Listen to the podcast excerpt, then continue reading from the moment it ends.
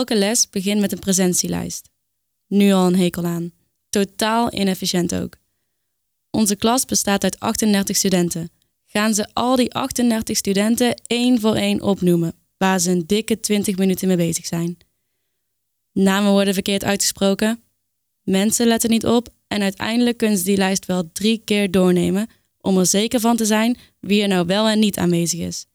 En uiteindelijk hoef je niet eens present te zijn om je studiepunten te bemachtigen. Hakken kun je wel vergeten. Trek die hardloopschoenen maar aan. Je moet elke les rennen voor een plek. Wat je in de brugklas werd afgeleerd en waar je zelfs om werd uitgelachen, is nu de enige manier van overleven.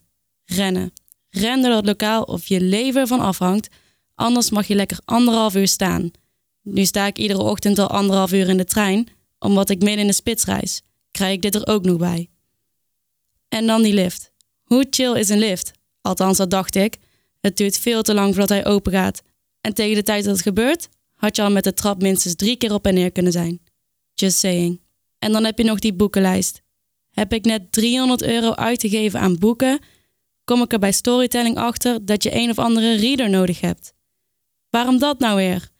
Ik heb dus mijn maandelijkse duo uitgegeven aan boeken die ik uiteindelijk niet gebruik.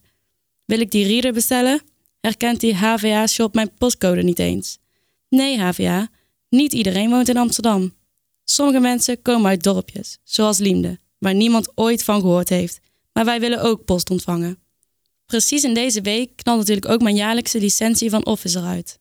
Lekker alle belangrijke aantekeningen kwijt en met volle paniek het weekend in. Zelfs onze kat kan het niet meer aan. Die is deze week mishandeld door de dierenarts en zit nu flink aan de antibiotica. Ik overzie het nu al niet meer.